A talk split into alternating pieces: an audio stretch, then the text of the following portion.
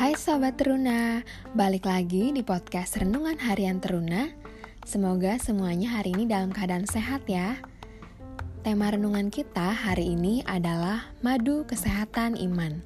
Dengan bacaan Alkitab dari Amsal pasal 24 ayat 13 sampai dengan 14. Semuanya pasti tahu dengan madu dong. Madu sudah terkenal dari zaman dulu dengan khasiatnya yang sangat banyak. Dia juga sehat dan juga sebagai obat. Madu juga bermanfaat tidak hanya untuk kesehatan tubuh, tetapi juga untuk kecantikan. Karena itu, jika kita ingin sehat dan cantik, pakai dan konsumsilah madu. Nah, dari pembacaan Alkitab hari ini, penulis kitab Amsal, yaitu Sang Pujangga yang berhikmat, mengatakan bahwa madu itu sangat baik.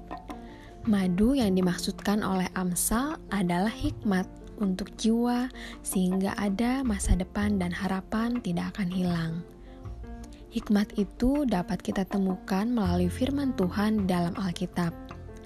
Seringkali ketika kita berdoa, kita hanya meminta berkat dan berkat. Kita lupa meminta hikmat dari Tuhan untuk terus hidup taat dalam tuntunannya. Dengan berhikmat, kita percaya selalu ada harapan hidup bersama Tuhan, yaitu pertolongan dan pemeliharaan dari Tuhan, sehingga ada jaminan untuk masa depan kita. Sobat Teruna, kita semua pasti menginginkan masa depan yang baik dan penuh harapan.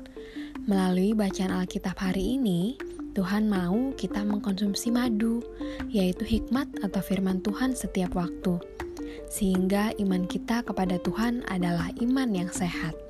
Tuhan Yesus memberkati.